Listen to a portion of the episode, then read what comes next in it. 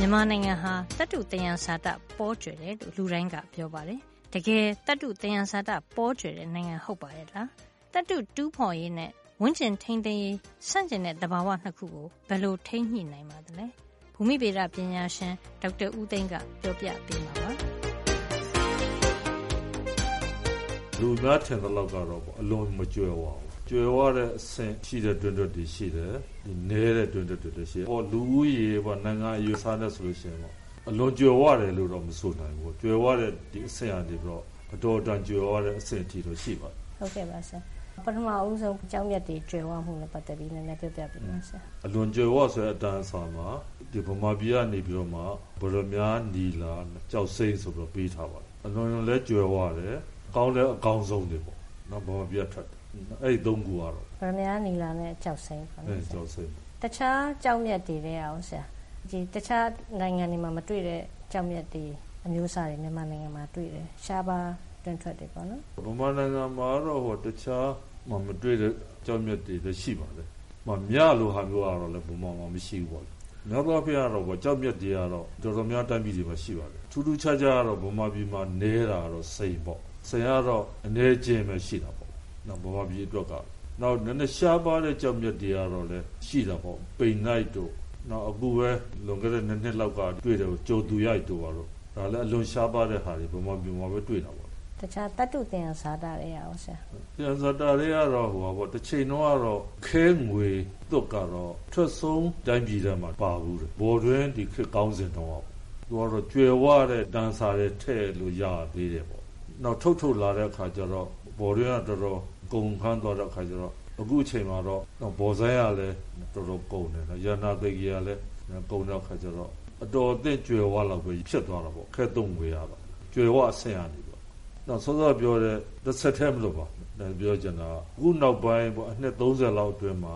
ဒီဗရမ ्या နီလာကြောက်စင်းကိုကုတ်ကဲမှုမရှိဘဲနဲ့အလွန်ကျွံထုတ်တဲ့အခါကျတော့အလွန်ကျွယ်ဝတဲ့ဆင်ရနေပြီးတော့ ကျွယ်ဝဓမ္မမုံတချို့နေရာမှာအတော်အသင့်ကျွယ်ဝအဆင့်ပဲသူကကြာသွားအလွန်ကျွယ်ဝတဲ့အဆင့်မဟုတ်ပြန်ဘူးနော်ဗရမနီလာကြောက်စရာအလွန်ကျွံထုတ်ခဲ့လို့ဟုတ်ကဲ့ပါဒါထိတ်ထုတ်ဖို့လိုတာပေါ့လေနော်နော်လာနော်သားတွေအတွက်ဟုတ်ကဲ့မြန်မာနိုင်ငံရဲ့တယံဇာတာတွေရောဆရာတို့ဘူမိဗေဒအရာပေါ့နော်ဒီဇုံတွေခွဲထားတယ်လို့သိပါတယ်ဆရာဆရာအကျမ်းပြလေးနည်းနည်းပြောပြပေးပါဆရာဆိုဇုံတွေကတော့ခုနှစ်ဇုံလောက်ရှိတာပေါ့လုံးစုံခဲတုံငွေဇုံကအရှိဘက်ချမ်းပါပေါ့ ရှမ်းပြည်နယ်ရဲ့အလယ်ပိုင်းလောက်ကတည်သွားတဲ့ဇုံပေါ့ဘော်တွင်းဘော်ဆိုင်ရနာသိင်ကြီးနောက်အလားတူရှိတဲ့ဟာတွေပေါ့နောက်ဆုံးတစ်ခုကတော့တင်းစာရီယိုးမာနေပြီးတော့မှရှမ်းကုန်းမြင်မြင်အနောက်ဖက်နေဇတ်တစ်လျှောက်မှာရှိတဲ့ခဲမပြူဖြိုက်တဲ့ဇုံပေါ့သူကလည်းကျွယ်ဝအဆင့်လောက်ရှိပါတယ်အခုကတော့လည်းထုတ်ခဲ့တဲ့ဒီနှစ်တရာများပြီဆိုတော့တော်အသင့်ကျွယ်ဝပဲကြံတော့မှာပေါ့နောက်ဆုံးတစ်ခုကတော့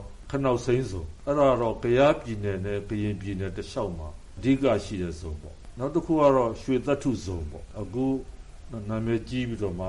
အရန်လက်ထွက်တဲ့ရမသက်ရှိရာဒီမိုးထိမိုးမြေကနေပြီးတော့မှတောင်ဘက်ဆင်းသွားမယ်နောက်ကျတော့မွန်ပြည်နယ်အထိတွေ့တန်းနေတဲ့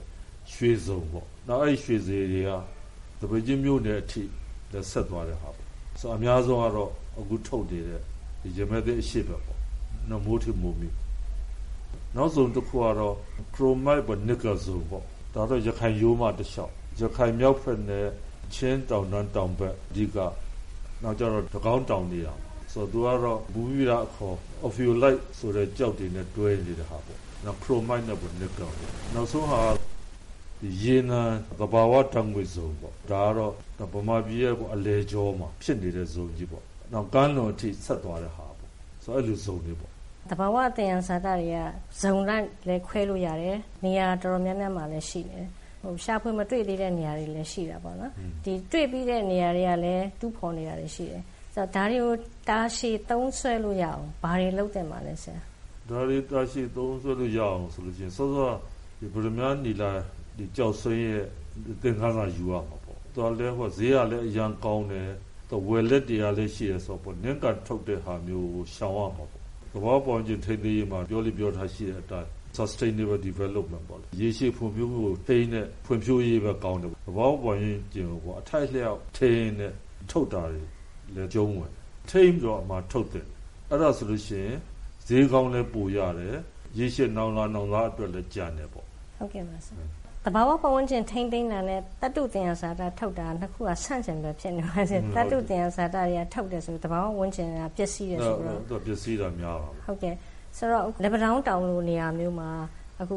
တောင်နေပြိုကုန်ပြီဘာမှမကြံတော့ဘူးမတူအောင်မထုတ်အောင်ဘူးတွေပြောတယ်ဒီဘက်ကလည်းတူးဖို့ထုတ်ဖို့တွေလုပ်နေကြတယ်ပေါ့အဲ့ဒါနဲ့ပတ်သက်ပြီးတော့ဆရာအမြင်လေးပြောပြပေးပါဆရာဒါမျိုးဘာတွေလုပ်တယ်လဲဆိုတော့တွင်းတို့တရားဇာတာထုတ်တယ်ဆိုလို့ရှိရင်တော့ဘဝချင်းပေါ့အနေနဲ့တော့အများတော့ပျက်စီးတယ်ဟိုရွှေထုတ်တာပဲကြည့်သူရွှေသတ်စင်တာတနည်းကတော့ထုထောင်းပြီးတော့မှဗရားနဲ့ဖန်တာ ဗရားတွေဘာတွေကလည်းလွင့်ထွက်ပြီးတော့ဟိုဖြစ်တာပဲနော်ဆိုင်နိုင်နဲ့ဒီဖန်တာပေါ့ဆိုင်နိုင်ဒေးရှင်းဆိုတာလည်းဒါလည်းအနေရတော်တော်များတယ်ဆိုတော့ဒီပေါင်းကြတော့ပစ္စည်းတာအဲ့ဒါဆိုတော့ဒီအတတ်နိုင်ဆုံးပေါ့အ ਨੇ ဆုံးထုတ်အောင်ထုတ်လို့ရေးပေါ့အင်ဂျင်နီယာတွေကသိကြပါလေဒီထုတ်လို့တဲ့နည်းတွေရှိတယ်ဒါမျိုးတစ်ခုတော့ရှိတယ်ပိုတော့ဈေးကုန်